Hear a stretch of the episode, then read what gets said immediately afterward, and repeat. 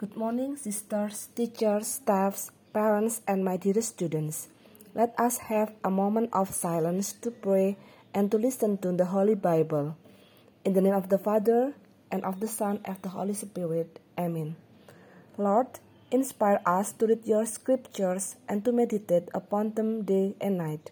We beg you to give us real understanding of what we need, that we in turn may put its precepts into practice.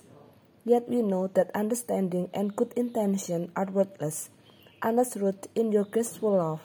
So we ask that the words of scriptures may also be not just signs on a page, but channels of grace into our hearts. Amen. The Lord be with you, and with and be with you. A reading from the Holy Gospel according to Luke. When a great crowd gathered and people from town after town came to him, he said in a parable, A sower went out to sow his seed, and as he sowed, some fell on the path and was trampled on, and the birds of the air ate it up. Some fell on the rock, and as it grew up, it withered for lack of moisture. Some fell among thorns and the thorns grew with it and choked it. Some fell into good soil, and when it grew, it produced a hundredfold. As he said this, he called out, Let anyone with ears to hear listen. Then his disciples asked him what this parable meant. He said, To you it has been given to know the secret of the kingdom of God. But to to others I speak in parables, so that looking they may not perceive, and listening they may not understand. Now the parable is this the seed is the word of God. The ones on the path are those who have heard. Then the, de- the devil comes and takes away the words from their hearts, so that they may not believe and be saved. The ones on the rock are those who, when they hear the word, receive it with joy, but these have no root. They believe only for a while, and in time of testing fall away.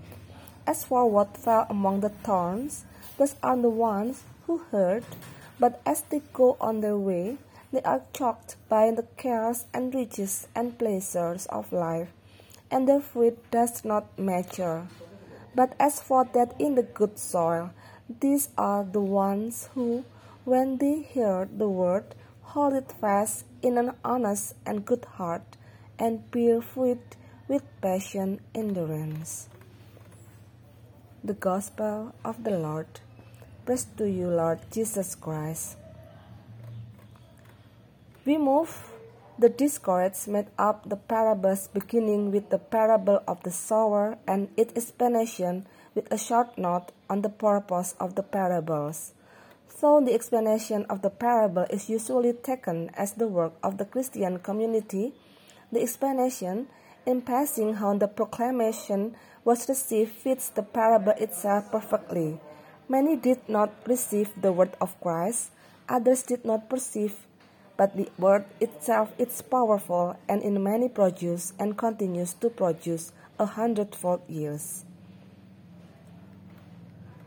Dear Father God, Thank you for unfailing love for me, your blessing and goodness. Thank you for your faithfulness to guide me and see me through times of uncertainty, for lifting me up and setting me on high. Thank you for scriptures that comforts and reminds me of your promises, plan, and provision. Thank you for taking away my fears and worries and reminding me that my help only comes from you. Help me be a good steward and to sow wisely. In Christ's name, Amen. In the name of the Father, and of the Son, and of the Holy Spirit. Amen.